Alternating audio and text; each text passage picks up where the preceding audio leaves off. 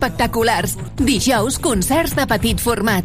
Divendres, circ i cinema gratuïts. I també concerts amb Marala, Ginestar, Mariona Escoda, Frank Schubert amb Marina Rossell, Lil Dami i Julieta i molts més. Que no t'ho expliquin. Consulta-ho tot a cultura.tarragona.cat. Ajuntament de Tarragona. de tot el món.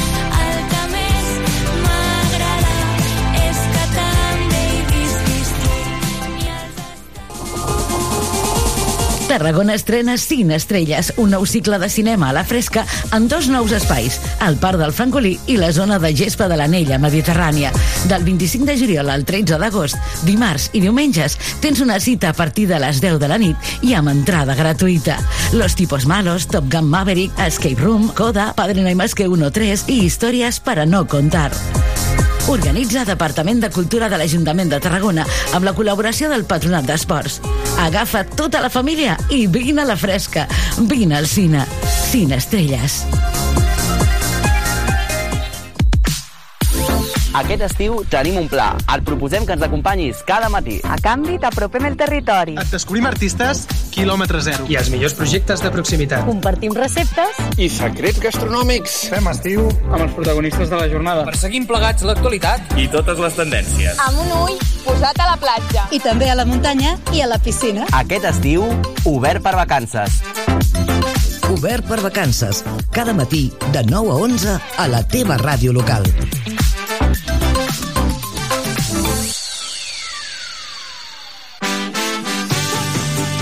Tarragona Ràdio som 40.000 oients. Anunciat a la ràdio local líder en l'actualitat, entreteniment i informació tarragonina.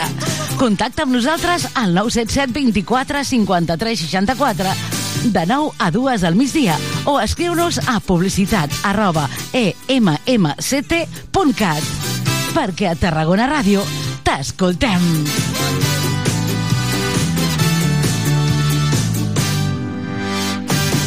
Cocodril Club. Si t'agrada la bona música dels anys 60, 70 i 80, escolta Tarragona Ràdio les tardes de dissabtes i les de diumenges de 4 a 6. És el temps del Cocodril Club. Tot un clàssic de la ràdio, amb les bases del pop-rock, les llegendes, les cançons que s'han convertit en autèntics himnes.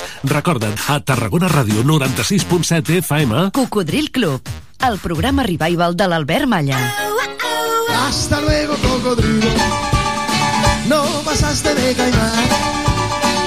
Hasta luego, cocodrilo.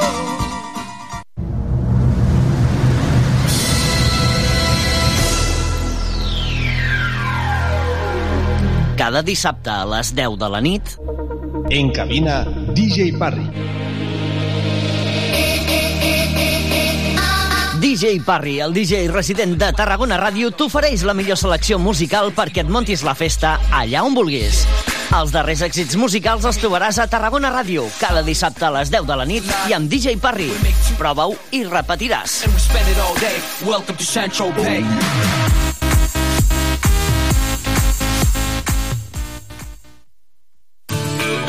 A Tarragona Ràdio som la Tere, el Jordi, la Laura, el Miquel... Bé, ja ho saps, ja ens coneixes. Però ara hem descobert que a Tarragona Ràdio també hi ha el Pau, la Dora, la Laia, la Leix, l'Andreu, la Pili, l'Ester, l'Emma, el Dan... 40.000 oients ens escolten cada mes. 31.000 descàrregues de podcast. 7.700 oients cada dia. 11% de share a la ciutat. 29.000 seguidors a les xarxes. 97.000 hores d'escolta en streaming. 6 de cada 10 tarragonins us informeu amb nosaltres. La Maria Dolors, la Montse... Buah, quanta gent! A Tarragona Ràdio som 40.000. Gràcies per ser-hi. Hi ha una màgia que no té truc. És la màgia de compartir una estona amb algú i parlar-hi. Vols practicar català? Vols ajudar algú a parlar-lo? Apunta't al voluntariat per la llengua. El programa de les parelles lingüístiques a vxl.cat. Perquè quan parles, fas màgia. Generalitat de Catalunya. 100 milions i mig de futurs. Telèfon verd, digui'm. Hola, he vist una paperera trencada. Pot venir algú a arreglar-la? Telèfon verd 977 296 222. La ciutat com t'agrada, amb una trucada. Ajuntament de Tarragona.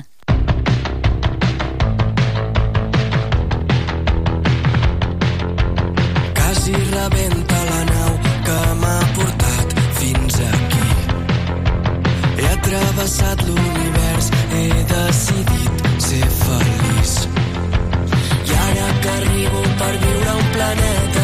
Torno a creure en el futur, perquè d'entrada apuntava a decebre'm i de cop has aparegut.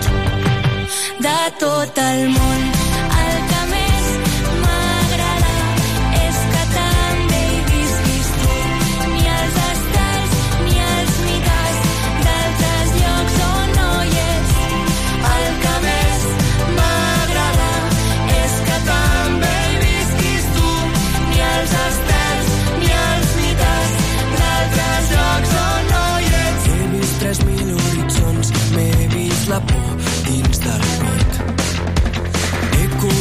conegut el present, he conegut l'infinit.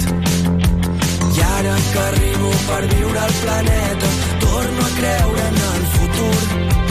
Perquè d'entrada apuntava a decebre'm i de cop has aparegut. De tot el món,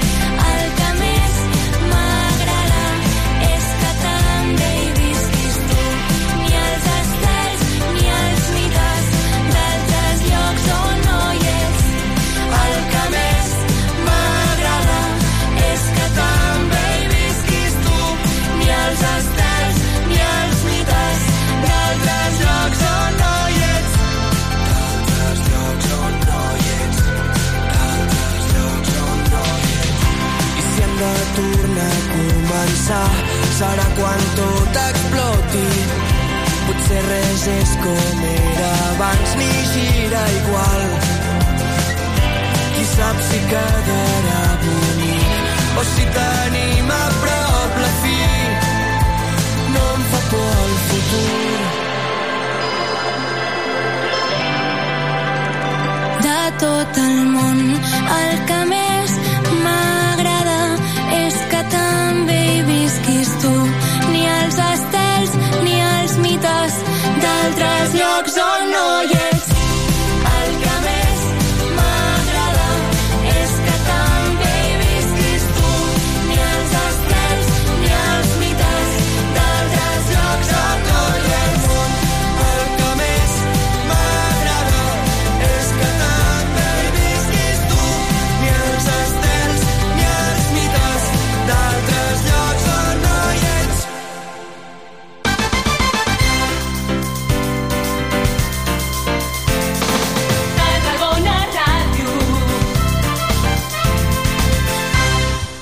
Ara passen gairebé 8 minuts de les 11 en punt del matí. Bon dia, benvinguts al Mercat d'Estiu.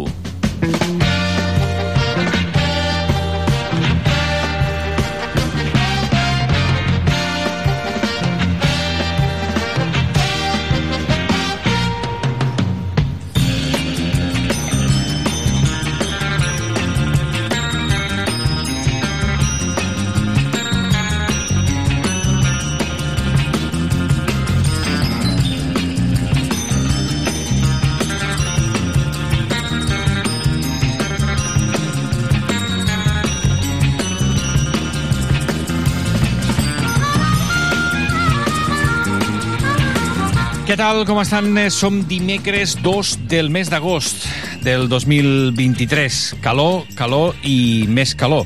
Ara mateix 29 graus, gairebé 30 graus de temperatura a l'exterior dels nostres estudis. Potser no tanta com ahir, però sembla que a les hores centrals del dia repetirem les màximes mm, que vam eh, tenir aquest dimarts. I, de fet, avui encarem aquesta jornada preocupats també per aquests eh, incendis i per la situació que s'ha viscut i que es vivia ahir, a, tant a l'incendi de Montroig del Camp, ja extingit, com a l'incendi del Perelló.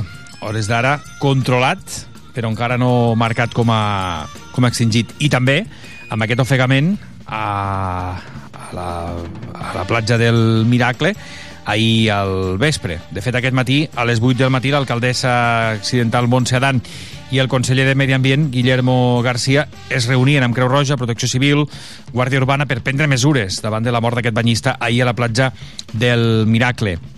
Ho anirem actualitzant tot plegat perquè també escoltarem les seves veus al llarg de... a, a última hora del matí. Anirem actualitzant quines són aquestes mesures que s'han pres enguany amb un estiu complicat. Ahir també eh, hi havia un altre ensurt en alguna platja tarragonina. Anirem actualitzant també totes aquestes informacions al llarg del matí. És a dir, que entre pendents d'aquests incendis i pendents també de la situació a les platges de la ciutat de Tarragona després d'aquest ofegament mortal i en són 17 a les platges catalanes, més d'una desena a les platges tarragonines. Com us deia, ho anirem actualitzant tot plegat amb aquest mercat d'estiu i pendents també de la nostra pàgina web, tarragonaradio.cat. A la part tècnica, Lluís Comes. I qui us parla? El Miguel González. Comencem. Mercat d'estiu. Entrevistes fresques i de quilòmetre zero a Tarragona Ràdio.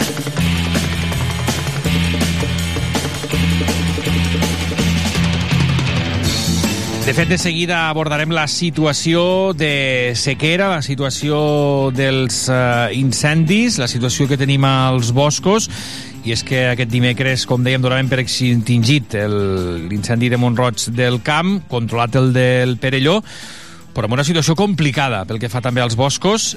Si no plou, es presenta un mes complicat i, sobretot, amb episodis de vent que han de venir que complicaran una mica les coses. En parlarem amb el cap dels agents rurals a les Terres de l'Ebre, el Miquel Àngel Garcia. Més enllà, el que farem és eh, recordar aquest miler d'interns dels centres peniten- penitenciaris de Catalunya que participen en l'escola d'estiu. L'impulsa el Departament de Justícia i el Departament d'Educació. L'objectiu, reformar, reforçar la formació dels, recurs, dels reclusos, ja ho direm bé, durant les vacances. En parlem amb la referent del projecte d'escola d'estiu a Mas d'Enric, la Roser Perandreu, amb qui compartirem uns minuts també de ràdio per parlar d'aquests programes d'escola d'estiu. I també estem immersos en la setmana mundial de la lactància materna i us volem explicar com funciona un banc de llet. A Catalunya fa 12 anys que es va crear el banc de llet a través del banc de sang i teixits i l'any 2011, des de llavors el nombre de mares que volen oferir la seva llet materna ha anat augmentant als hospitals i als centres de referència que el banc té a les quatre demarcacions catalanes. A l'agost, però, les donacions cauen per les vacances, però tot l'any es necessita aquest, eh, aquesta llet que poden donar les mares que ho desitgen. El nostre company Josep Sunyer ha conversat amb la coordinadora de donacions del Banc de Sang i Teixits de Tarragona i les Terres de l'Ebre, la doctora Núria Vilanova, i també amb una mare donant, la Núria Figueres, i amb una altra mare receptora, la Reme Porràs. En parlarem després també. I a partir de les 12 ens vindran a visitar els companys de la Mulassa i també del grup Adri Alliberadrenalina. I és que Tarragona recupera enguany la cursa del seguici, un dels esdeveniments populars més estimats i participatius de la ciutat, que després de 3 anys sense dur-se a terme, aquest dissabte tornarà a omplir els carrers de la part alta. En parlarem també amb ells a partir de les 12. Anirem també cap a Reus perquè els treballadors del 112 faran vaga indefinida. Ho han anunciat a partir dels caps de setmana de l'11 d'agost. Reclamen la internalització del servei i per part de la Generalitat millores laborals. Ens en parlarà el Martí Vallvé, membre del comitè d'empresa del 112 Reus del sindicat CGT. I acabarem el programa, vaja, ja l'espai tothom, avui donant-vos a conèixer el projecte de menjador social Taula Amiga. Com funciona? Com els ha afectat recentment aquesta situació d'inflació, la pujada dels preus? Com funciona un menjador social al mes d'agost? Ens ho explicarà el responsable del menjador social Taula Amiga, el David Borràs. Tot això, si es queden amb nosaltres, tal dia com avui, que és dia 2 d'agost del 2023.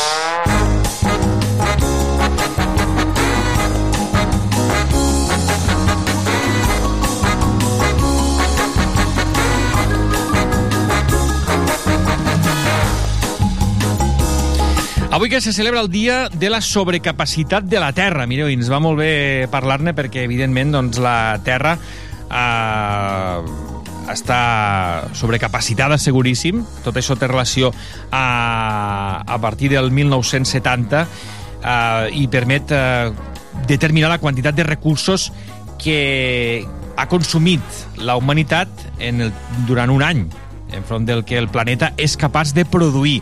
Recursos que es produeixen, recursos que es consumeixen. Iniciativa d'Andrew Sims, membre de l'organització New Economics Foundation del Regne Unit, la qual pretén conscienciar de manera urgent a la població sobre els efectes nocius i l'impacte que genera aquest fenomen de la sobrecapacitat en la humanitat i també en el planeta. Tot això ho podríem relacionar amb com estem vivint aquests darrers, eh, aquests darrers anys, perquè això no és nou. El tema del canvi climàtic, de la sobrecapacitació, en fi, doncs per reflexionar-hi.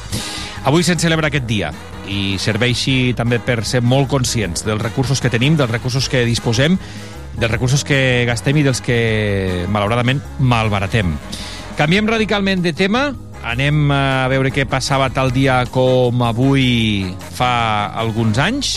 Doncs, per exemple, que ens deixava el 1922 Alexander Graham Bell. Va ser un científic, inventor, logopeda britànic, naturalitzat eh, americà, va contribuir al desenvolupament de les telecomunicacions. Finalment acabaria patentant el telèfon, encara que fos inventat anteriorment, anys enrere, per l'italià Antonio Meucci. Hi ha aquí una disputa, ja ho saben, la història de, del telèfon i els inventors. Avui, amb els aniversaris, tal dia com avui, compleix 66 anys Isabel Pantoja. Y quiero confesar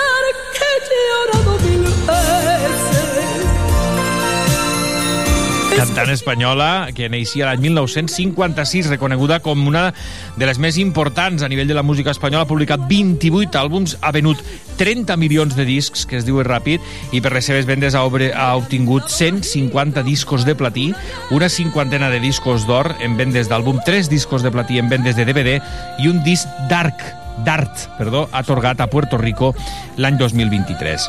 També neixia tal dia com avui, on, uns anys abans, Maria de los Ángeles, Santa Mara, coneguda com a Maciel. Aprendí esta canción.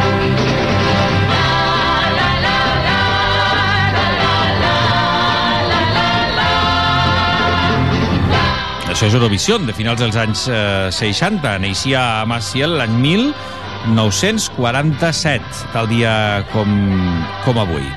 Doncs aquestes són les eh, músiques destacades d'aquesta jornada. Nosaltres continuem repassant èxits, grans èxits, èxits que sonaven tal dia com avui, però de fa 30 anys, de l'any 1993, com aquest.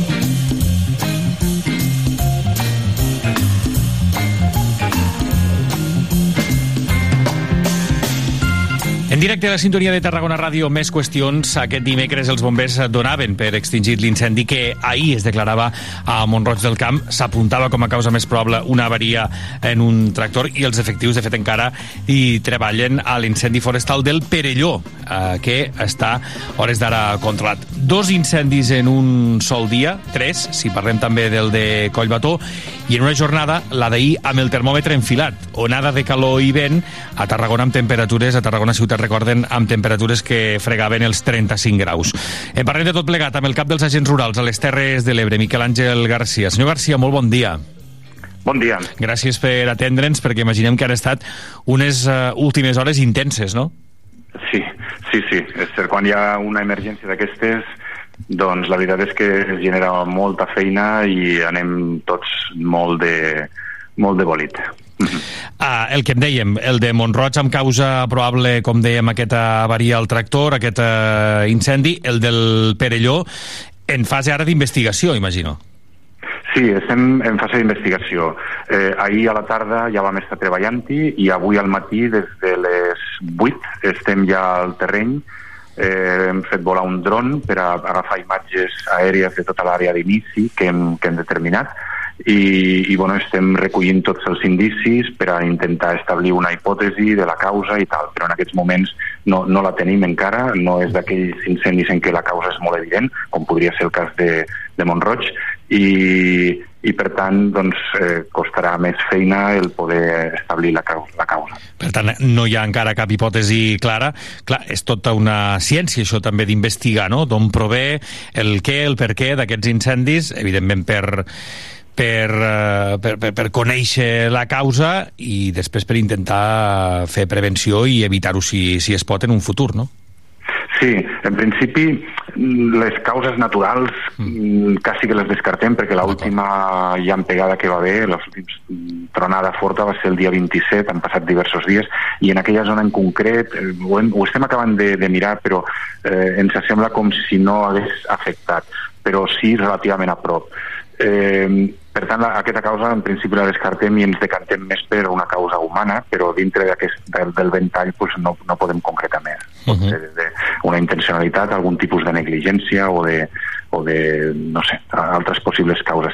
Eh, es tracta de eh, anar recollint de forma metòdica tots els indicis que veiem sobre el terreny, de la geometria, de l'evolució del foc, la vegetació com ha cremat i després els testimonis dels veïns que, que vivien en els massos a prop, etc. I, i amb això, pues, a poc a poc, amb totes aquestes informacions, anar lligant-ho per a intentar establir la causa. Però Com... en aquests moments encara estem en una fase molt, molt inicial. Mm. Controlat no vol dir extingit encara? No, no, no, no. Eh, eh, lo van donar per controlat ahir a la, ahir a la tarda, sí. Uh -huh. sí i la veritat és que en aquests moments eh, l'extinció no sé si bombers l'han donada, diria que no. De moment no, almenys que tinguem nosaltres la informació, no encara. Sí. No, no, perquè a més aquest matí he estat a l'incendi sobre les 8 i els camions de bombers estaven entrant i estaven encara treballant. Sí, sí, l'extinció mm -hmm. encara no està donada. Uh, la ja fa dies que alertem de com, de com estan les coses, de com estan les, els boscos, de l'estrès hídric per la sequera i que només en a l'agost ja hem tingut dos incendis simultanis no, no és cap bona senyal. No, home, hem de tenir en compte que estem ja a mitja campanya, no? que comença, ha començat ara mateix l'agost, i déu nhi el, tot el juliol i el juny que hem passat, diguéssim, amb un, amb un número d'emergències eh, mínim, no? És a dir, que és tot això que hem guanyat gràcies a, a les pluges del juny i juliol, que són pluges no habituals, però bueno, després eh, de tota una primavera i finals d'hivern molt sec, la veritat és que el fet de que hagi plogut a principis de campanya ha fet que la vegetació que és el combustible dels incendis forestals, la vegetació forestal, eh, s'hagi mm, carregat una mica d'humitat i això ha, ha fet disminuir una mica el risc d'incendi. Eh, però a hores d'ara, clar, estem ja a l'agost i a hores d'ara ja la vegetació està molt preparada per a cremar, tota, totes les herbàcies en general ja estan seques i els matolls d'arrels poc fondes també estan ja molt secs, el romer, eh, l'albaida, aquestes espècies mediterrànies que tenim en la zona, i per tant eh, el combustible està ja molt a punt per a, o sigui, per a, per a poder cremar en cas de que de que contactin amb algun tipus de font d'ignició. No? I a més pluges, tempestes molt localitzades que, que no han... Eh, Exacte. No, no, han, no han arribat a tot el territori, no? Exacte. Han estat tempestes localitzades i han deixat bosses de territori sense, sense pluja pràcticament. I tenint en compte que ja venien d'un període llarg sense pluja, aquestes bosses, eh, la vegetació està més apurada.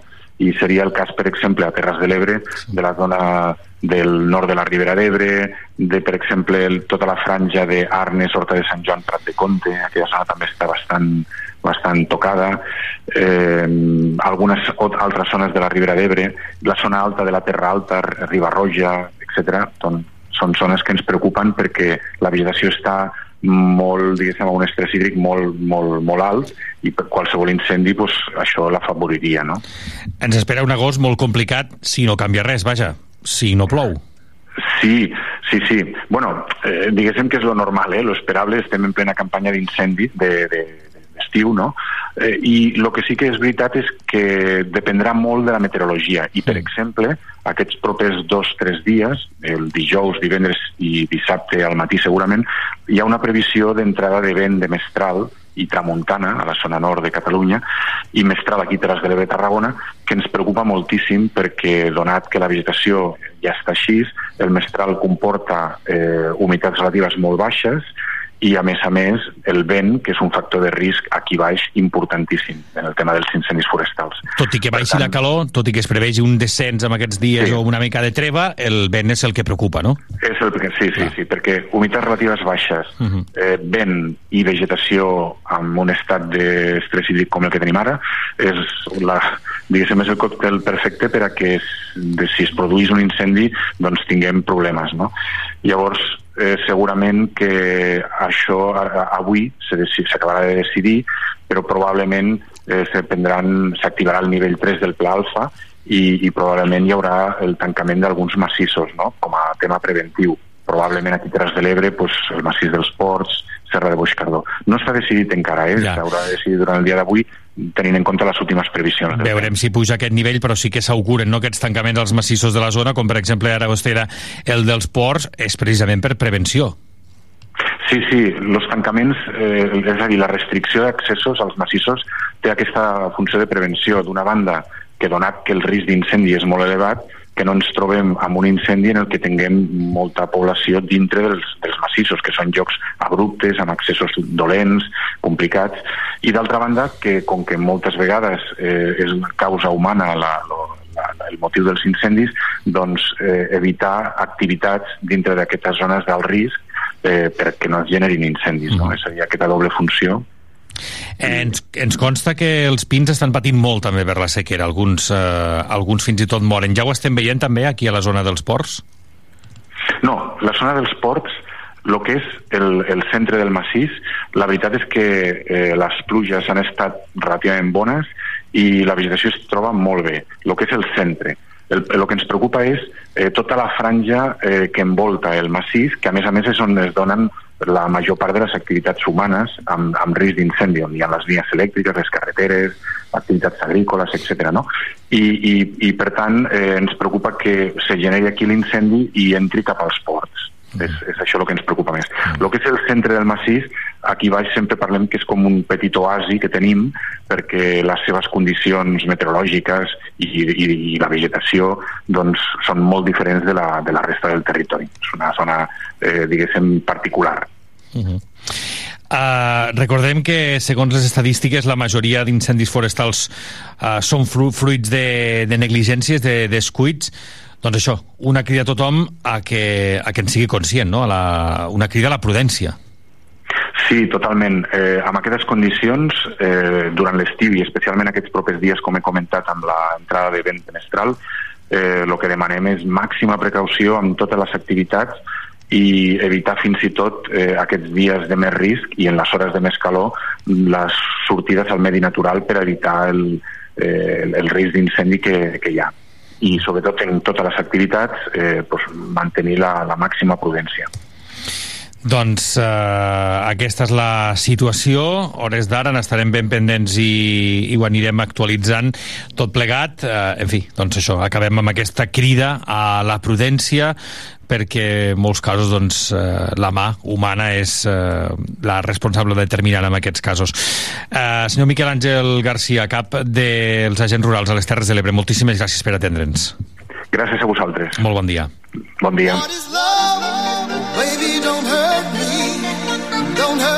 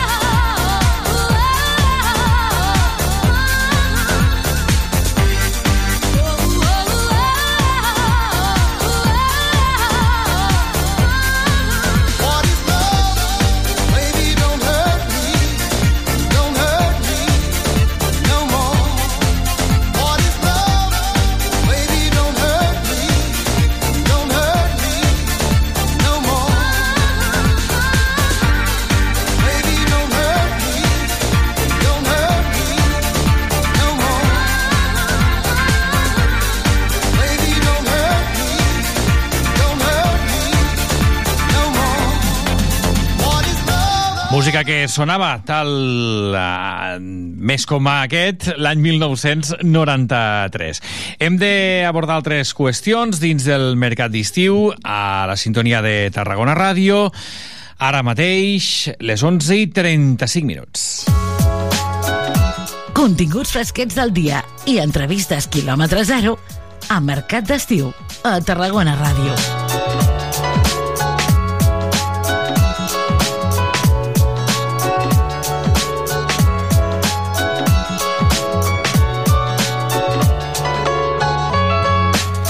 En parlàvem divendres a la sintonia de Tarragona Ràdio dels interns dels centres penitenciaris de Catalunya que participen en l'escola d'estiu impulsada pels departaments de Justícia i Educació. La intenció, reforçar la formació dels reclusos també durant les vacances.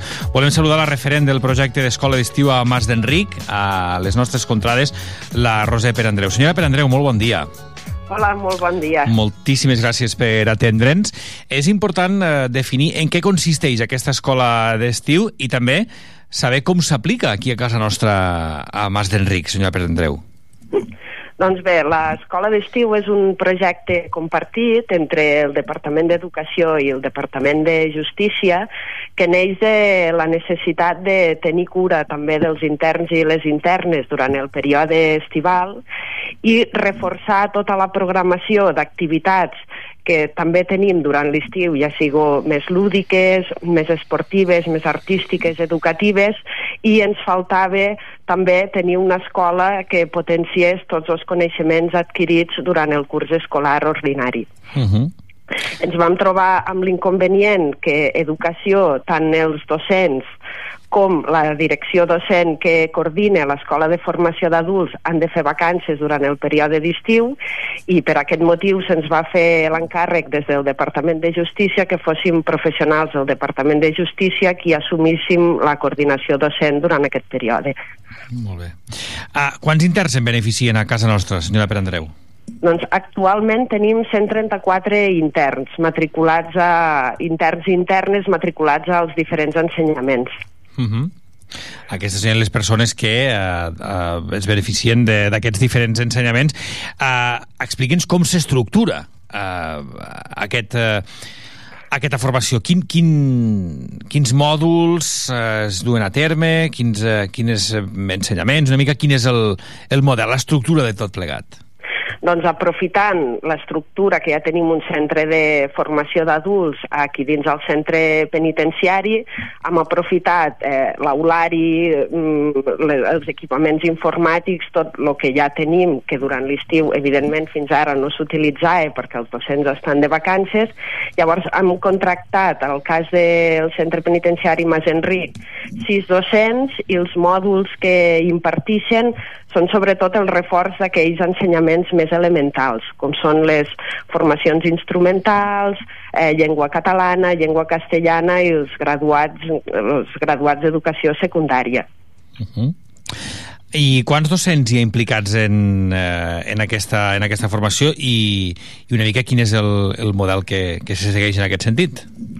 Sí, eh, com he dit abans, tenim aquí a Mas Enric sis docents i, i el model que segueix és tenim en funcionament tot l'aulari que, que s'utilitza a l'escola durant l'any i tots els interns de, internes de tots els mòduls de, d'aquí de, de Mas Enric i poden accedir. A excepció, també he de dir que, per exemple, hi ha els departaments especials on hi ha els interns en règim tancat que no poden accedir lliurement a les aules o els departaments amb interns i internes que anomenem vulnerables però tenen problemàtiques de salut mental, etc. Són els docents qui es desplacen a aquests departaments a poder atendre la població i, i donar resposta també a les seues necessitats educatives. Uns mestres, uns, do, uns eh, professors, uns docents que han rebut formació específica per posar-se al capdavant de, dels reclusos, no? Sí, exacte, perquè els centres de formació d'adult de, de les presons són molt diferents de lo que podrien trobar en una escola ordinària i llavors la formació bàsicament que han rebut ha set de característiques d'un centre penitenciari, funcionament, normativa, normatives de seguretat, perfils no, dels interns que es poden trobar a les aules i evidentment també han tingut un acompanyament perquè han de compartir l'espai no com una escola ordinària amb altres mestres, sinó també amb personal de rehabilitació, amb personal de, de vigilància Mhm. i al marge També han rebut formació amb unes guies didàctiques, atès que eh, els continguts que, que treballen amb els interns i internes a les aules mm, és més fresc, és més lúdic, llavors també han rebut formació sobre unes guies didàctiques que ells i elles adapten al perfil d'interns i internes que tenen a les aules. Molt bé. Deia jo al principi, a la introducció, que l'objectiu principal és precisament reforçar la formació dels reclusos durant les vacances. Per què és important, senyora Perandreu? Doncs en primer lloc perquè els reclusos no tenen vacances, o sigui, no, no és com una escola ordinària que hi ha un trencament de les activitats rutinàries durant el període d'estiu, en aquest cas no és així, i, i, i perquè dintre de la població tenim nivells molt baixos que aquests mesos de trencament durant l'estiu eh, suposaven un greuge important.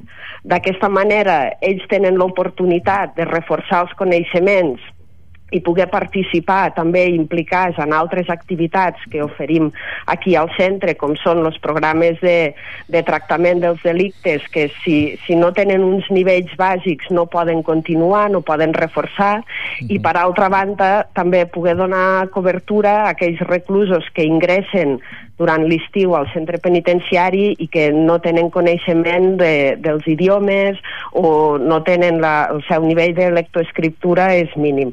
Llavors, els podem enganxar eh, en primera instància a l'escola i no hem d'esperar a que comencin el període lectiu al setembre. Encara hi ha moltíssims interns, senyora Prendreu, que no tenen acreditada eh, l'educació obligatòria. Com influeix això? Bé, doncs influeix en que és una manca d'oportunitats quan el, el procés de, de reinserció que quan surten al carrer eh, tenen menys oportunitats laborals, etc. Eh, llavors, la formació és una peça essencial del procés de rehabilitació dels interns que facilita la reinserció social i redueix el risc de reincidència.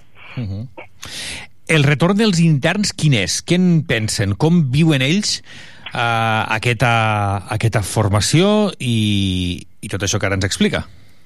Doncs la veritat és que en fan una valoració molt positiva mm, perquè en primer lloc tenen l'oportunitat no, de, de continuar amb uns estudis que si no havien trencat el mes de juny.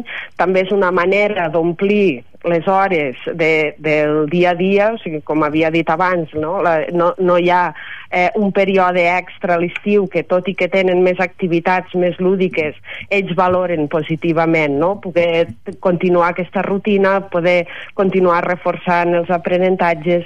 Uh -huh. Molt bé. I quina continuïtat té el projecte, evidentment després de vacances, clar, acaba el període de, de vacances que, com ja vostè m'explicava, no, no és tan marcat o no, o no és marcat en el tema de, dels reclusos, lògicament, després els que, els que ho desitgin podran continuar formant-se? Evidentment, a partir de l'1 de setembre tindrem el personal docent del centre de l'escola ordinària durant el curs escolar i a partir del 6, doncs, les, com, com les escoles de l'exterior, començaran el curs i podran continuar no, amb, amb el seu procés de formació. I esperem que, que aquest projecte pioner d'escola d'estiu l'any que ve eh, pugui continuar i es torni a repetir. Molt bé. Uh, doncs això, que, que serà aquesta, aquesta continuïtat eh, que pot marcar aquest projecte, també una notícia que ens agradarà conèixer i ens agradarà compartir. Uh, senyora Roser Perandreu, referent del projecte d'Escola d'Estiu Mas d'Enric, moltíssimes gràcies per apropar-nos a aquesta realitat, per explicar-nos-ho i que passin també un molt bon estiu. Moltes gràcies, bon estiu. Bon dia.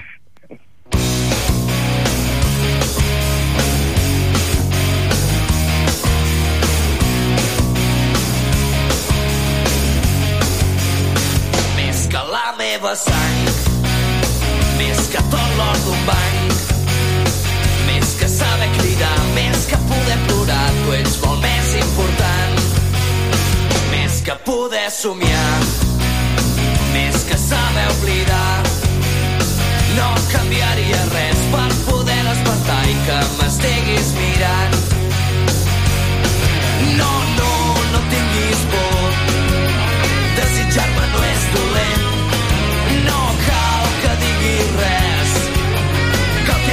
ja ho faré, ja ho sé. Més que la meva sang, més que poder saber el que hi ha més enllà, doncs no m'importa gens el que passi demà. Si et tinc al meu davant, res no m'importarà. I és que la veritat que mai no existirà no m'importa ja tant com tenir-te al costat. Mai vaig saber esperar. I és que no em sé aguantar. Si tu vols i jo vull, no has de fer-me patir, no ho deixem refredar. No, no, no tinguis por, desitjar-me no és dolent, no cal que diguis res, el que vulgui ja ho faré,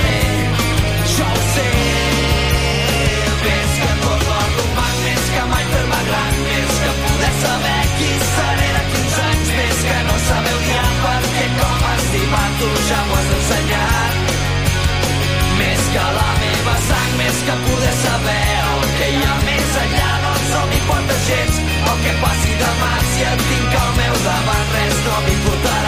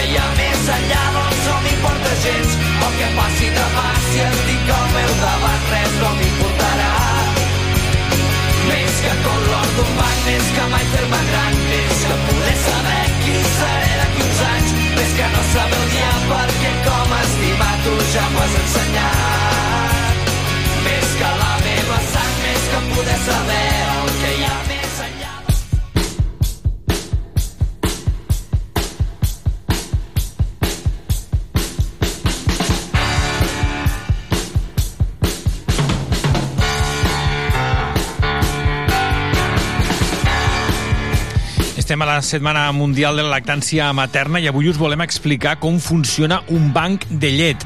A Catalunya fa 12 anys que es va crear el banc de llet a través del Banc de Sang i Teixits. Era l'any 2011 i des d'aleshores el nombre de mares que volen oferir la seva llet materna ha anat augmentant als hospitals i també als centres de referència que el banc té a les quatre demarcacions catalanes. A l'agost, però, les donacions cauen per les vacances. Amb tot, només l'any passat hi va haver 724 donants del banc i va recollir 1.217 litres de llet natural que sota prescripció mèdica va arribar a 578 nadons eh, prematurs. Les mares receptores agraeixen aquest eh, elixir natural que en molts casos ha salvat la vida dels seus fills prematurs. L'agraïment cap a les mares donants és infinit, com també els llaços, els sentiments que es creen entre elles quan es coneixen. El nostre company Josep Sunyer ha conversat amb la coordinadora de donacions del Banc de Sang i Teixits de Tarragona i les Terres de l'Ebre, la doctora Núria Vilanova, i també amb una mare donant, la Núria Figueres,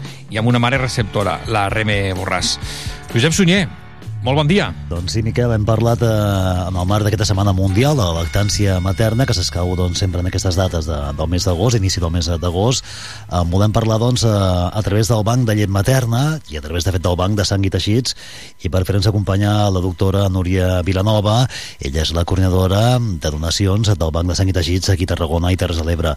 Doctora Vilanova, què tal? Molt bon dia. Hola, molt bon dia. Eh, com, com arribem aquest any en aquesta Setmana Mundial de, de la lactància materna? Eh, com arribem, i si mirem una mica en perspectiva, també quin és el moment que estem visquent? Bé, doncs mm, hem de dir que portem uns 5 anys amb, una, amb un equilibri no? entre donants i receptors. Eh, arribem ara que és l'estiu, a l'estiu sempre tenim una davallada amb les donacions, doncs estem de vacances i també a les mares a vegades els hi costa més, no? Doncs si es traslladen les vacances, eh, és una època difícil i, però bueno, estem en un moment eh, que necessitem la llet, eh, igualment, cada dia es necessiten eh, doncs aquests nadons, aquests receptors mm, prematurs que és tan beneficiós aquesta llet i bé, nosaltres no podem baixar mai la guàrdia. Ara en parlarem eh, de, de, la- de la importància de, de la llet materna, eh, però si mirem 2022 ha estat un bon any per les donacions i per la recepció. Bé, hem de dir que doncs, el 2022 eh, hem distribuït 1.217 litres de llet eh, a 578 mm, receptors neonats no? que ho han necessitat. Hem de dir que sempre, sempre tota aquesta llet és per prescripció mèdica. Sempre és el neonatòleg el que, eh, diguem, recepta que es necessita aquesta llet i ens la demana. Eh, I, bueno, hi ha hagut uns 724 donants i, i hem de dir que sí, que les donants més o menys eh, hem anat augmentant des del 2011 que tenim el Banc de Llet Materna aquí a Catalunya menys el 2019 que vam tindre una davallada amb la pandèmia que vam, ens va costar molt que sí que ens vam quedar baixos mínims i vam tindre que anar inclús a cases a recollir la llet eh, bueno, va ser una època difícil per tot no? doncs per la llet materna també però ara podem dir que estem en una mica en un equilibri no? entre donants i, i receptors Eh, què, què cal fer eh, o, i qui pot eh, ser donant de, de llet materna en aquest cas? Bé, en donant de llet materna, doncs, una persona que estigui bé de salut, eh, major d'edat, i és fàcil, no? Si estàs alletant el teu fill, doncs t'apropes al banc de llet materna, aquí a la, al Camp de Tarragona estem a Joan 23 i a Sant Joan de Reus, a les Terres de l'Ebre estem a la Verge de la Cinta, llavors eh, doncs, van al banc de sang, que allí tenim doncs, persones que els hi expliquen com funciona la donació de llet materna, els hi fem una analítica, els hi donem un kit, una bossa amb un tirallet, amb uns biberons, i els hi expliquem bé eh, com funciona i què és el que han de fer. Llavors, les mares doncs, mm, reben una trucada de Barcelona, del banc de, de llet, eh, dient, doncs, bueno, l'analítica ha sortit tot bé, ja pots començar a treure la llet, aquesta llet s'ha de congelar sempre, ha d'anar directament, diguem, del pit al congelador per no trencar la cadena del fred, i quan tenen uns quants biberons plens truquen al banc de llet materna a Barcelona i llavors una furgoneta els hi passa a recollir per casa seva. Els hi donem un calendari els dies que passa doncs, per la demarcació de Tarragona, Barcelona, Lleida, Girona i llavors les mares truquen, queden i, i passen a recollir-s'hi la llet i així fins que doncs, la mare diu que, doncs, que ja no, no, no, no pot més. Eh, cada vegada que van els hi porten biberons buits. Qualsevol preocupació o dubte que tinguin sempre estem a la seva disposició que ens truquin. Eh, bé, és un circuit que ja portem 11 anys, bueno, del 2011 fent no? i la veritat és que moltes mares eh, s'han s'han apuntat i, i és una experiència molt bona sempre per elles. Eh, anem a parlar de la, de la llet materna, de, de, del que ens ocupa, eh, de, de la llet materna, eh, i, i dels beneficis que té eh, pel nadó, però també per la mare, eh, aquesta llet materna. Per què és tan important? Bé, aquesta llet materna és tan important perquè és un aliment natural, no? Eh, és un aliment doncs, que porta proteïnes, greixos, carbohidrat i defenses, sobretot defenses, que són inimitables de manera artificial. Vull dir, la, hi ha hagut eh, estudis que la, els nadons no, que han pres llet materna versus els que han pres llet de fórmula, doncs eh, les, els beneficis són molt més. Hi ha una malaltia, la eh, enterocolitis necrotisant, que és una malaltia dels intestins, que els que prenen la llet materna doncs, tenen molta més supervivència versus els que prenen la llet de fórmula. Llavors, doncs, per infeccions, inflamacions, això de l'intestí, és una llet que, que és molt bona, de fet, vull dir, la OMS la recomana, no?, els primers sis mesos, la OMS i moltes societats eh, de lactància i, bueno, eh, nosaltres també la promovem, no?, i la protegim molt la, la, la lactància materna en principi és això, no? Un, un, un aliment que és natural i que és com un medicament, diríem, no? Per aquests nadons prematurs que no arriben al quilo que en una gota d'aquesta llet és or, no? Diem nosaltres, és or. Si sents parlar mares donants i mares receptores, veuràs també la importància entre elles, no? De que mm, el bé que sent la mare que don i la mare que ho rep, bueno, no cal dir-t'ho. Uh, després parlem amb una mare amb una mare receptora i amb una, i amb una mare efectivament uh, donant i que ens explicaran la, la seva pròpia experiència Em, la llet dels primers dies de, del postpart eh, i aquesta part ho sap, eh, com ara eh, que és com de color groguenc no? és més eh, groguenca que s'anomena crec que calostre no? de, què té d'especial aquesta llet de prim, dels primers dies? Pues és la llet que té doncs, més eh, proteïnes, més eh, defenses per a aquests nadons. No? Tota la llet és bona perquè fins a l'any de vida, diguem, quan una mare té un bebè, pot ser donant de llet fins l'any de vida. No? Durant tot aquest any, aquesta llet nosaltres sempre l'analitzem, és molt bona, eh, però bueno, clar, aquest primer calostre diguem que és essencial, però bueno, tota la llet amb totes les etapes eh, per nosaltres és molt necessària i animem a això moltes mares, no? que estiguin alletant el seu propi fill, que els hi vagi bé, que vegin que poden treure també una mica de llet per nadons que ho necessiten, els animem, animem a que ho facin, que, que a part se sentiran molt bé. Uh -huh. uh, de cara a, a les mares uh, donants um, clar, extreure's la pròpia llet hi ha aquests extractors no? que, que, bueno, que requereix una certa tècnica però que de fet són simples no? D'utilitzar un cop un cop ja eh, s'ha adquirit l'habilitat diguem-ho així eh?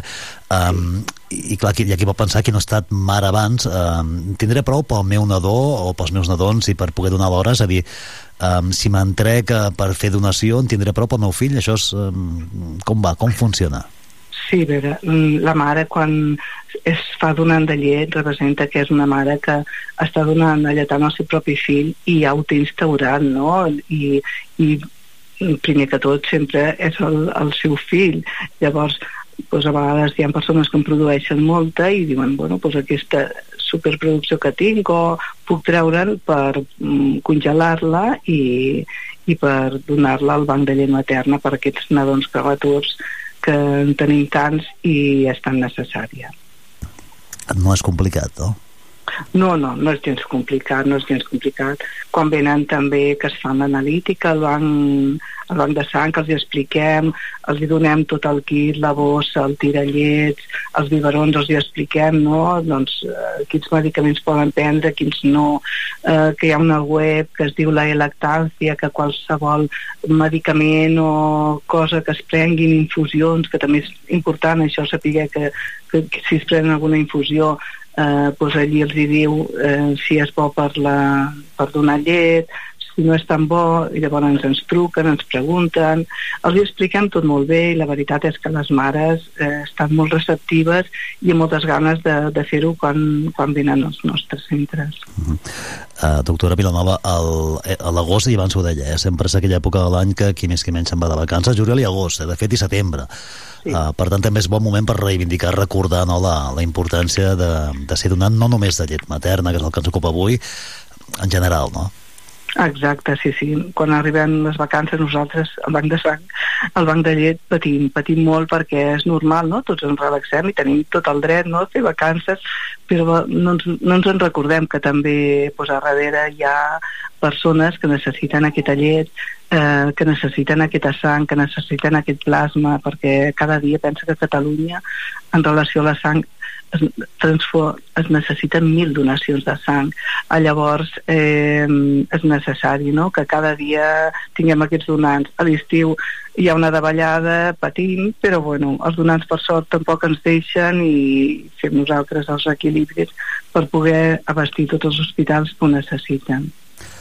Uh, aprofitem doncs això eh, per, per recordar-ho i per uh, també doncs uh, uh, que sapigueu que deia abans la doctora Núria Vilanova que teniu els centres de referència aquí uh, al territori els més, uh, aquí al, més a prop a Joan 23 i, i Sant Joan de Reus però també doncs al Verge de la Cinta uh, a Tortosa i altres punts eh, de referència al, al territori on podeu doncs, fer-vos donant no, no només un cop d'any sinó periòdicament que és el que es tracta.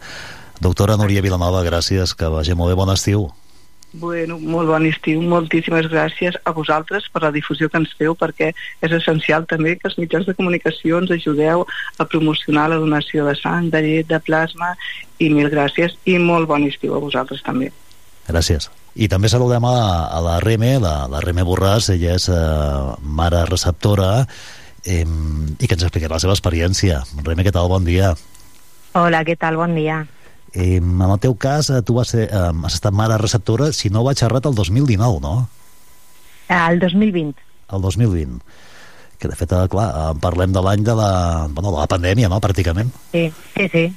A plena pandèmia. Eh, com va ser l'experiència? Com la descriuries, eh, eh, l'experiència de ser eh, mare receptora i, i poder tenir doncs, aquesta llet materna pel, pel teu infant?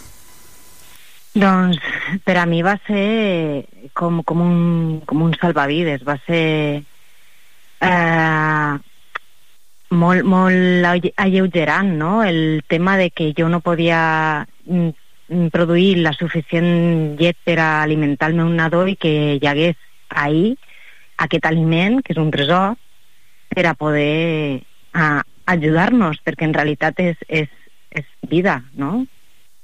És una ajuda impagable. Uh, dius que és un tresor, eh? I també ens ho comentava la doctora Núria Vilanova, que és una llet que, clar, en els primers mesos de, de, de, del nadó és, uh, és fonamental, és molt rica, no?, de fet. Sí, sí, és, eh, conté tots els nutrients que necessiten. I clar, eh, eh, és molt millor que la llet de fórmula, el que passa és que eh, no sempre podem tenir, eh, te- tenir aquesta disposició, per això és tan important.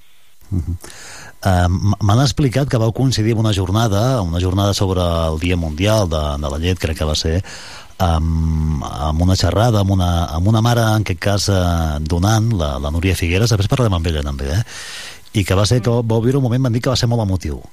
Sí, va ser molt emotiu perquè ella eh, va estar explicant la seva experiència i clar, eh, a, a mesura que anava parlant jo anava lligant no? en, en el temps el que ella estava dient i quan va acabar li vaig dir pues, possiblement moltes, moltes gràcies perquè possiblement el meu fill està viu gràcies a tu i és així de simple Um, en el teu cas era una, un, un nadó uh, prematur, una prematuritat extrema de 28 setmanes carai.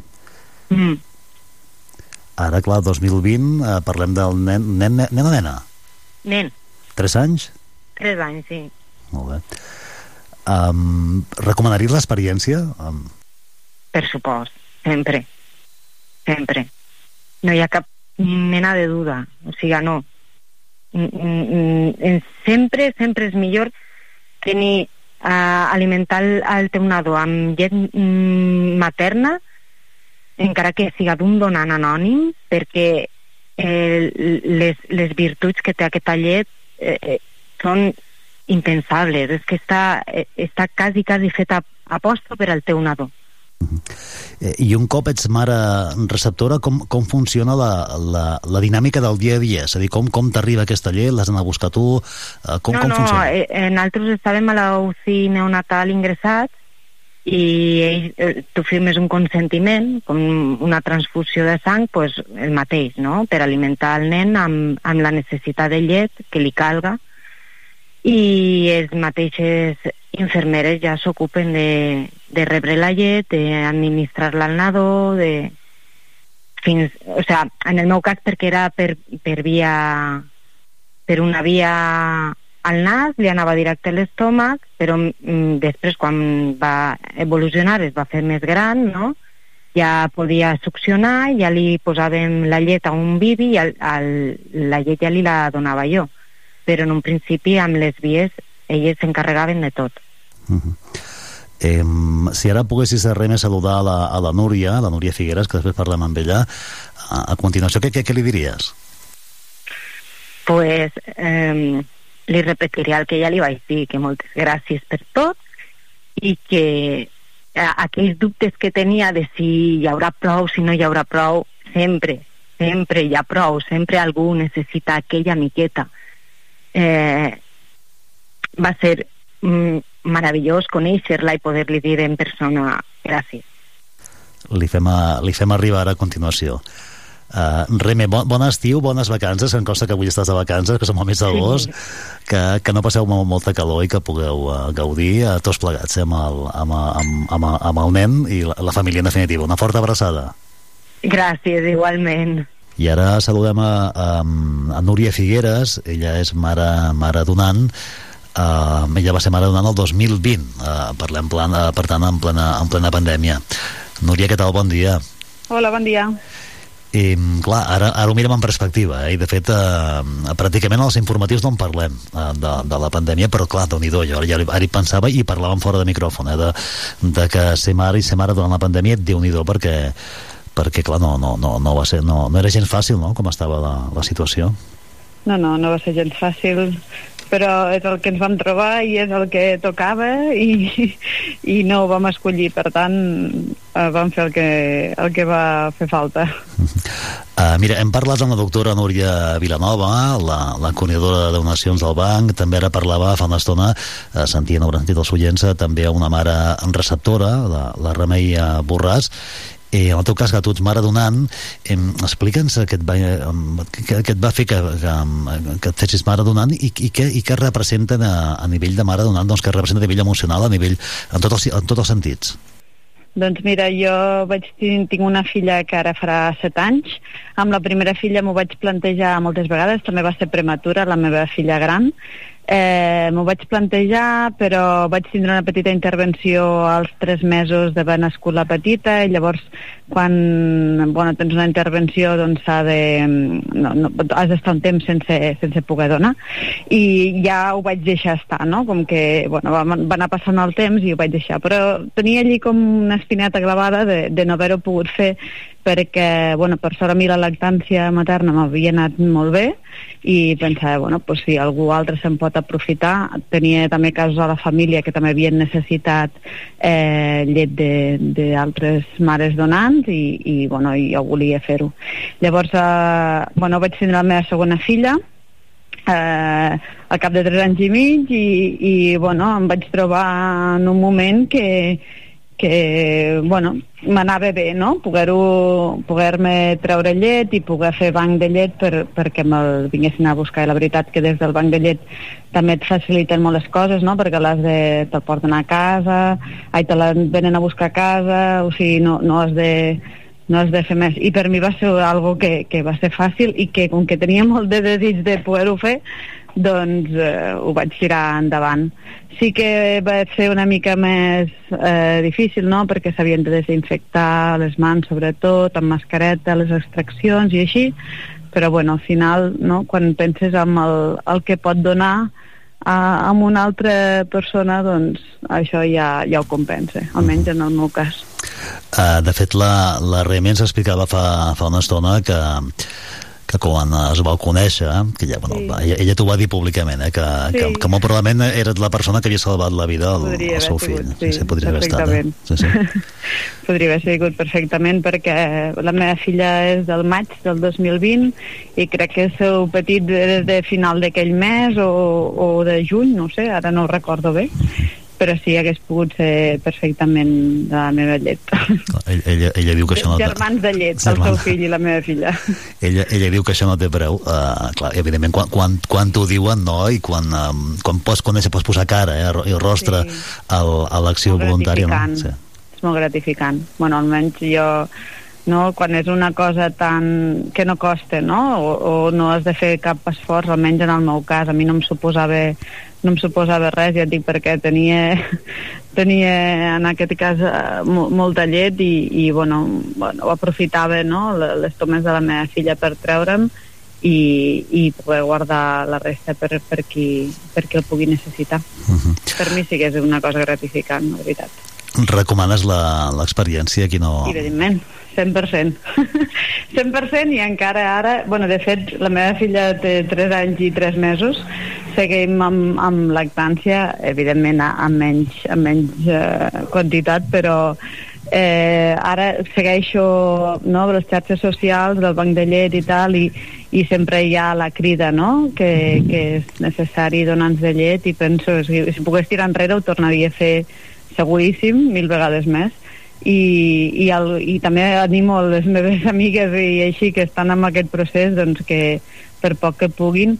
Tot i així no, hi ha gent que, que, que té moltes dificultats amb la lactància perquè no és, una, no és algo fàcil, no? Sí. Jo en aquest cas vaig tindre molta sort amb les dues i, i em va anar molt bé però hi ha gent pues, que té moltes dificultats i que i, i estar en aquest moment de, de criança també és difícil, no? Jo mm, ho vaig tindre fàcil, vaig tindre també molt de suport i, i, em va anar, i em va anar molt bé. Però bueno, per poc que es pugui, si podem seguir fent créixer aquest banc de llet, doncs seria, seria ideal. Ara, a propòsit d'aquesta setmana mundial, eh, i clar, i arran també de, de les entrevistes, estem, bueno, almenys jo personalment, eh, tot i que jo en tinc dues de criatures, però clar, jo de- desconeixia tota la part de la, la part nutritiva, no?, essencial de, de la llet eh, des, de, des del calostre, no?, de la primera que surt, que és més groguenca, no?, amb tot el procés fins que és la llet definitiva, no?, clar, això és, és una passada, no? Sí, sí, sí. Bueno, és un tema molt interessant. A mi és algo que m'ha cridat sempre molt l'atenció, m'he informat moltíssim eh, i, i bueno, era una cosa que tenia molt clara, no? Tenia molt clara que volia ser mare i tenia molt clar que volia fer lactància materna. Sí que és veritat que no ho vaig posar com a com a molt prioritari, perquè ja et dic que a vegades no, tu, tu vols una cosa però el teu cos en diu una altra, però sí, per mi ha sigut, bueno, ja et dic, de fet encara, encara segueixo, eh, la meva filla està a punt de començar l'escola, vull dir que eh, ja és gran, però bueno, és un vincle i una, i una cosa que, que no es pot descriure, crec, si no, si no ho vius. Uh, M'agrada molt la definició que has fet que, que ara els, els teus fills tenen germans de llet, eh? Sí, sí, bueno, i a més, eh, això és una cosa... Bueno, eh, abans també, no? Els, els nostres... Jo, jo he tingut uh, besàvies i així que, que eren dides, no? Que, que amamentaven altres, altres bebès. I, I, de fet, el banc de llet, no sé si ara ho segueix, però quan, uh, quan tu et fas donant de llet, te donen tot un pack amb un extractor i uns pots i tal, i et donen un pitet on hi posa germans de llet i, i jo el tinc guardat com un tresor això allí, saps? perquè sempre ho he pensat i, i és una cosa que vull explicar a les meves filles quan siguin grans no? que, que elles tenen germans de llet que algú més, no? alguna altra criatura del món o moltes altres han tingut han pogut tindre la mateixa llet materna que han tingut elles. Guardes eh, el pitet com un tresor i també hi ha qui diu que la, que la llet materna també és un tresor, or pur, eh, per, que, cada, cada, per, per aquests infants sí, prematurs. Sí, Eh? sí. Sí, sí, jo ja et dic, recordo aquesta intervenció que em van fer eh, als tres mesos de ben nascut la meva gran, eh, després d'una anestèsia eh, no te recomanen que la tiris, no, no, no està del tot demostrat, però et recomanen que tiris la llet aquesta posterior a una intervenció i, i recordo llançar la llet a, a l'aigüera i pensar, uf, estic llançant, estic llançant milions de, de, de vitamines, no?, i de, i d'això, però bueno, són situacions que, que et trobes i, i això, però sí, la lactància materna és algo molt positiu, bueno, de fet abans de que existís la, la, la llet artificial tot, eh, tots vivíem d'això, no? De, de les dides i de la llet materna.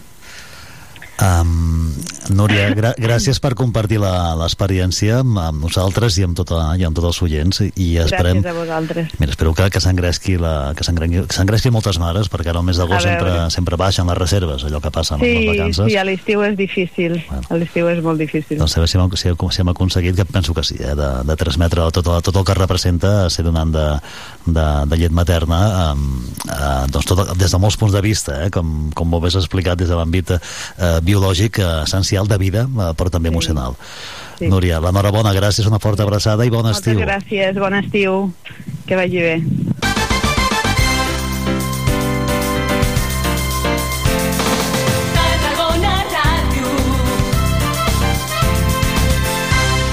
Moll de Costa, la Rambla de la Cultura a la vora del mar. Vine i passeja per l'eix de la cultura, del lleure i de l'esport al Port de Tarragona. Hi trobaràs museus, exposicions, teatre, activitats, espais per passejar i fer esport. Completa la teva visita amb un tas de la gastronomia marinera del Serrallo. Més informació a porttarragona.cat. Una alimentació sana, exercici físic i una bona assegurança mèdica. A MGC Mútua millorem cobertures i serveis per oferir la millor assegurança mèdica segons els professionals de la salut. MGC Mútua. Inverteix en salut. Informa't en el web mgc.es.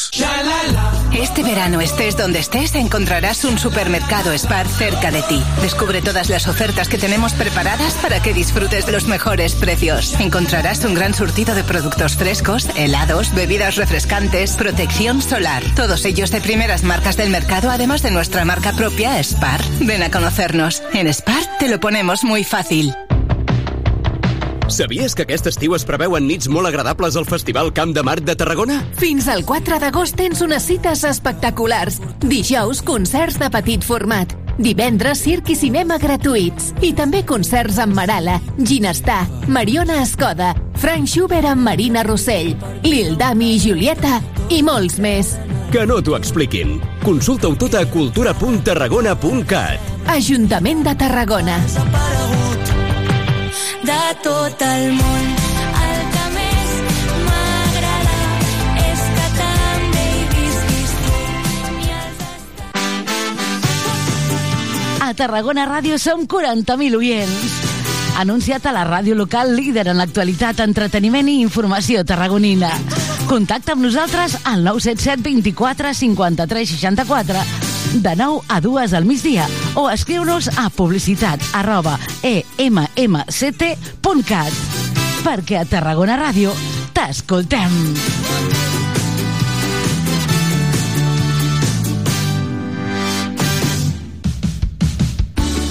A Tarragona, els residus al seu lloc.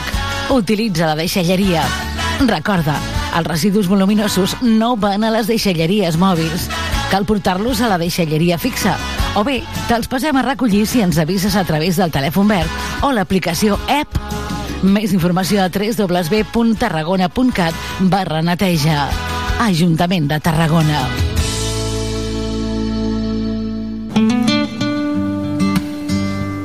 Gaudeix de l'estiu en els restaurants i l'espa que ofereix vora al mar l'Hotel Le Meridien Ra. Descobreix la millor gastronomia mediterrània al restaurant La Terrassa del Mar o les tapes marineres i fresques al Beach Club a peu de platja. A més, relaxa cos i ment a l'Explore Spa de l'Hotel Le Meridien Ra del Passeig Marítim del Vendrell. Reserva trucant al 977 69 42 00 i viu l'estiu a l'Hotel Le Meridien Ra. Segueix la pretemporada del Nàstic a Tarragona Ràdio. Aquest dissabte a les 8 del vespre, segon partit amistós de l'estiu. Des del nou estadi Costa Daurada, Nàstic Real Zaragoza. Tarragona Ràdio t'ho explicarà des d'un quart d'hora abans del partit. Recorda, aquest dissabte, a 3 quarts de 8 del vespre, Nàstic Zaragoza. Viu el futbol, viu el Nàstic i viu els gols. Tarragona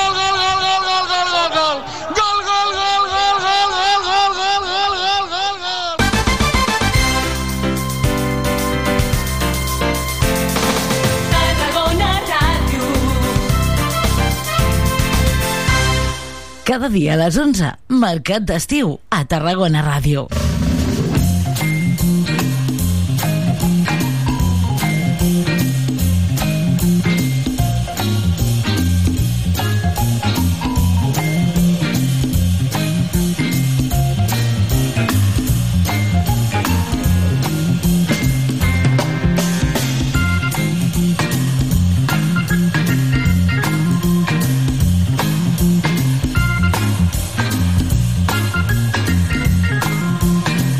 19 minuts per sobre de les 12 en punt del migdia, més continguts a l'antena de Tarragona Ràdio amb eh, 30 graus de temperatura, ara mateix a l'exterior dels nostres estudis, molt pendents de les diferents informacions que aquest matí es van succeint. Us recomanem també que us connecteu a la nostra pàgina web a tarragonaradio.cat eh, o al, a través del nostre compte de Twitter. Ho anem actualitzant tot plegat us dic perquè, doncs mireu, uh, fa una estona uh, coneixíem la notícia d'un nou, uh, d'un nou cas d'ofegament a la platja del Miracle de Tarragona. En aquest cas uh, no ha estat una víctima mortal, però sí que han traslladat en estat greu a l'hospital un home ofegat a la platja del Miracle de Tarragona. L'avís s'ha donat aquest matí, a poc després de dos quarts de nou del matí, l'alerta, quan encara no està actiu el servei de socorrisme. Això se suma a la persona eh, ofegada, com us explicàvem ja aquest matí, a la platja del Miracle ahir al vespre. En el moment de l'alerta, el servei de socorrisme encara no es trobava, dèiem, actiu i precisament aquest divers tenia lloc, aquest, aquest dimarts tenia lloc aquest ofegament mortal a la mateixa platja. Un home de 40 anys que moria després d'intentar ajudar uns banyistes a sortir de l'aigua. Per tant, doncs, prudència a les platges de, de Tarragona, vaja, a les platges en, en general. Us anirem informant i anirem actualitzant aquesta informació. Canviem radicalment de tema perquè Tarragona recupera enguany la cursa del seguici, un dels esdeveniments més estimats, més participatius de la ciutat que torna després de 3 anys sense fer-se aquest dissabte. Esperem que per omplir els carrers de la part alta. Enric García Jardí, molt bon dia. Hola, bon dia. Moltíssimes gràcies per acompanyar-nos, membre de la, de la president de la Mulassa, si no m'equivoco. Exactament. Correcte. Gràcies a vosaltres. I el Joan Carles Gil, de, del grup Allibera Adrenalina. Joan Carles, bon dia. Hola, bon dia. Joanqui, vaja, perquè així et coneix tothom, no? Sí, sí. Així que ho farem Joan més. Carles, ma mare i a la feina. Doncs mira, Joanqui, va, t'ho direm així, que estem entre, no? Estem Sí, allò fent, fent, entre fent, la, fent la xerrada. I tant. Novena edició de la cursa del seguici popular de Tarragona. Enric, Sí, ens fa molta il·lusió que, que gràcies a l'impuls del Club Excursionista Llibre Adrenalina s'hagi pogut recuperar aquesta cursa que havia nascut el 2012 com un, un acte que havia de durar només un any. Va funcionar molt bé va, va durar fins que va arribar la pandèmia i la pandèmia ens ho, ens ho havia deixat en stand-by. Llavors va venir en Joan Carles, en, en Joanqui i, i ens, va, ens va encoratjar ens va dir, s'ha de recuperar aquesta cursa és la cursa de referència eh, popular de les festes de Sant Magí per tant nosaltres, ell, no? ell ens va dir nosaltres ens hi volem posar i si vosaltres hi voleu ser doncs també i hem, hem sumat eh, esforços per, per arribar fins i aquí hem sigut, no? I hem sigut, i serem, vaja, i serem dissabte una, una vegada més. Uh, Joanqui, quina és l'essència d'una cursa com aquesta? L'essència és que, clar, nosaltres ho veiem amb molt de carinyo perquè ells, evidentment, són, són membres actius ara mateix de, de, de la Molassa, un membre del Seguici Popular. Jo he estat 30 anys amb el Val de Gitanes mm. i, bueno, tots els que participem de la Festa Major pues, li tenim un, un, molt de carinyo a tot lo relacionat no, amb el Seguici. Llavors aquesta cursa ja havia participat i és, és, és, és especial. Primer pel, pel tema aquest del Seguici, el fet de que puguin participar, sobretot, que tinguin un protagonisme la gent del Seguici, després per la zona on es fa, el córrer per la part alta, que són tarragonins ens encanta, una cursa a més molt popular, són 5 quilòmetres, es poden fer sense, sense gaire problema, acabar-la es pot acabar i, i, i tot aquesta suma és la que fa que, que nosaltres li donem, sobretot com a tarragonins i abans del seguici de la festa major pues, que li donem aquesta importància no? Uh -huh. uh, 5 quilòmetres, una mica més, no? Amb sortida. Bueno, un pelet més, un pelet més. Pelet bueno, més. no et pensis, hem hagut de retallar un trosset perquè tenim un carrer a Misser, Sitges, em sembla que és, Ah, que no, està a obres. i, i hem de fer per l'altre, no? Però bueno, sí, uns 5 quilòmetres aproximadament. Molt bé. A quina hora quedem? La sortida serà a les 8 de la tarda. Hem avançat una miqueta l'horari respecte a les altres edicions, que es feia nocturna. Més que res, aquest any el que volíem assegurar és que tot funcionés bastant bé. Vale? No és que no funcionés altres vegades, però bueno, al recuperar-la, intentar que, que tot quadrés molt bé. Llavors, amb el tema horaris ho hem avançat una miqueta perquè logísticament, a nivell de, de recolzament de guàrdia urbana, de tall de carrers, fos més, més assequible. No? Mhm. Llavors sortirà a les 8 de la tarda de la plaça de la Font i la, el tancament de meta serà l'arribada pujant les escales de la catedral que li va donar aquest punt final especial per tothom i, el, i tindrem tots els participants pues, una hora i 15 minuts per finalitzar-la Uh -huh. Molt bé. Què, què n'espereu? Perquè uh, aquests dies, clar, la calor ho marca tot, però dissabte sembla que dona una petita treva, Enric. O no? Benvinguda la treva, doncs. per això, per això. Per, per això. tots, per corredors i no corredors, Sí, sí. però... Home, què n'esperem? A nivell d'assistència, de participació, Sí. com van les coses?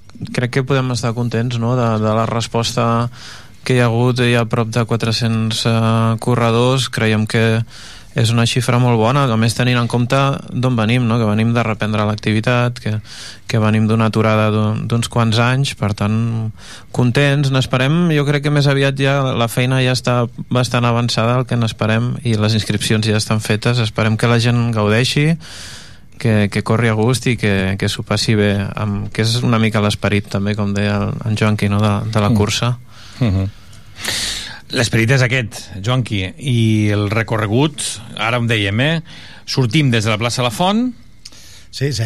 fins a les escales de la, de la, Sí, sí. de la catedral, Fem per, no? per fer una miqueta de recorregut que la gent agafi escalforeta doncs anirem en direcció Via Augusta fins, al, fins a la rotonda abans de les platges allí anirem cap als carrers dels músics vale? per, també amb la idea això logísticament també em va molt bé perquè és la, la, la manera que la cursa s'estira perquè no hi hagin aglomeracions i després ja ve el, el puntet sorpresa que és pujar el camí de la cuixa que a tothom li agrada molt amb aquesta calor vale? i després ja centrar el casc antic a gaudir a gaudir dels carrers del casc antic i, i sobretot enfilar des del carrer Cavallers la, el carrer Major amb la catedral de Fons i les escales, l'Art de Meta que és la part més espectacular i allí és on se te passa tot el cansanci, tot el que t'ha costat tota la calor es passa amb aquell trosset Mhm. esperar a la meta pues, bueno, amb una bona cerveseta una, una aigua fresqueta i bueno, com, com, com hem dit esperar això, que tothom gaudeixi sobretot de la cursa, de la popularitat d'aquesta cursa més que del, tot i que hi haurà classificació evidentment, però sobretot disfrutar de, de, de fer-la Uh -huh.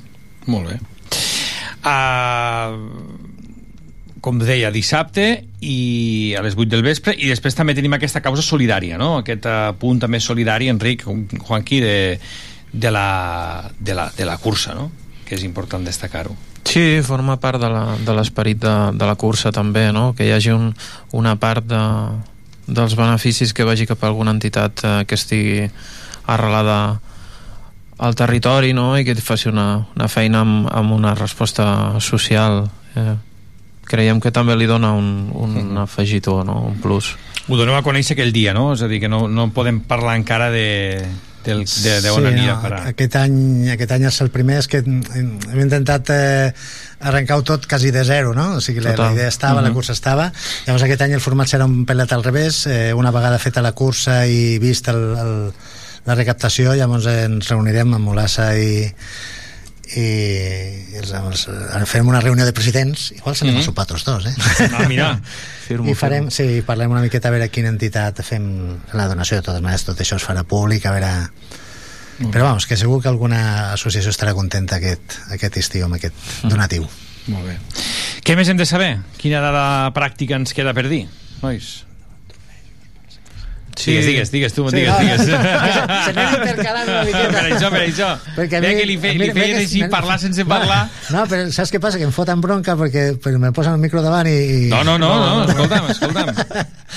i ella més també és, és del RAM doncs també Clar que sí. és, és una tots lucha dos, de home, no, no, no, no, no, a més que res que sobretot això, no? el protagonisme que li volem donar al seguici eh, hi haurà dos classificacions diguéssim dos curses en una hi haurà un, un podi absolut el, dels corredors no, per, no corredors per part d'elements del seguici i una classificació dels corredors que venen en representació d'elements del seguici que són més de 100 que venen representant els diferents elements.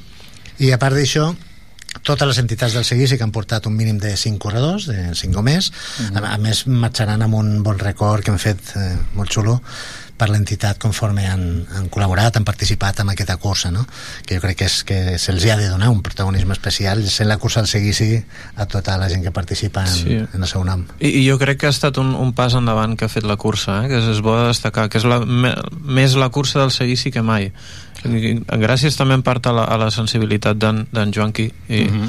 que va, va, hem anat treballant aquests detalls, no? dorsals personalitzats, però Molt també bé. la imatge mateixa de la cursa, no? I, i, la, I el protagonisme del seguici, no? que també, Sí, també és important, fins i com tu dius, amb el dorsal per- personalitzat, per exemple, amb l'element característic. No? Totalment, i en, en la mateixa samarreta, no? Mhm. Crec que... Sí, la samarreta és, eh, estem, estem molt contents de com ha quedat la samarreta. A més, agrair a la, a la Mireia Marchena, que és Molt una, bé. una il·lustradora d'aquí tarragonina, que a més és, és, és membre d'un d'un element, bueno, d'un- d'una colla castellera, i va estar encantada de- de- d'agafar aquest repte i la veritat que la samarreta és xulíssima representa, hi ha, hi ha una representació de tots els elements del seguici amb un, a veure, una capçalera que és la molassa i la cabra de llibera Mhm. però bueno, que ha quedat, jo crec que la, la samarreta ha quedat xulíssima Molt guapa, sí. Fantàstic. Nois, doncs ja no ens podem apuntar, eh, perquè ja ho tenim, eh, ja ho tenim tancat, això, eh? bueno, bueno, bueno, bueno Què vols dir? Ara em diràs que sí, home. Oficialment les Ah. inscripcions es van acabar dilluns. Eh, les inscripcions normalment clar, van lligades a, a, a, a tot el que comporta, el tema de les samarretes i tal. Eh, però bueno, hi ha hagut moltes sol·licituds i el que hem fet és obrir 50 dorsals mails. L'únic que aquests dorsals no tindran l'obsequi de la samarreta perquè s'han exhaurit, però bueno, si algú més vol participar encara queden alguns dorsals per, per poder-se apuntar el dia d'avui, durant el dia d'avui. Durant el dia d'avui, eh? Per tant, hem de ser, hem de ser ràpids. Enric Garcia Jardí, Joan Quigil, moltes gràcies, que vagi molt bé la cursa, molta sort. Moltes gràcies a vosaltres, com I- sempre, per donar veu a totes aquestes I coses. n'estarem n'estarem ben pendents. Gràcies.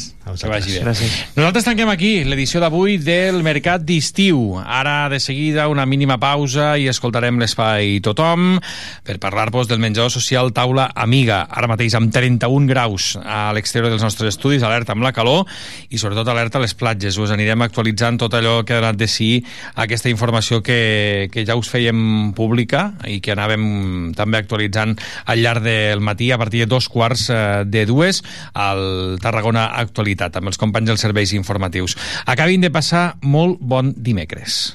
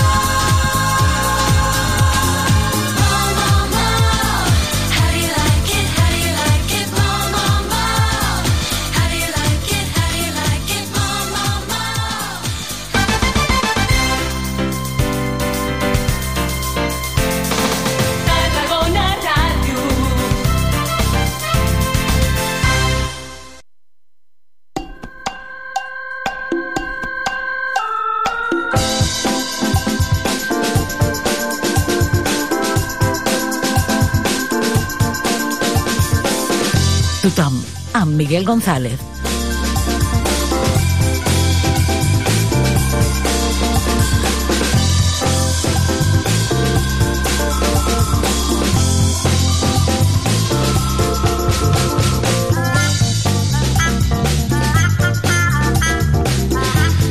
Obrim l'espai tothom a la sintonia de Tarragona Ràdio, número 732 d'aquesta 14a temporada del Tothom al 96.7 FM, tarragonaradio.cat, la TDT i les aplicacions mòbils.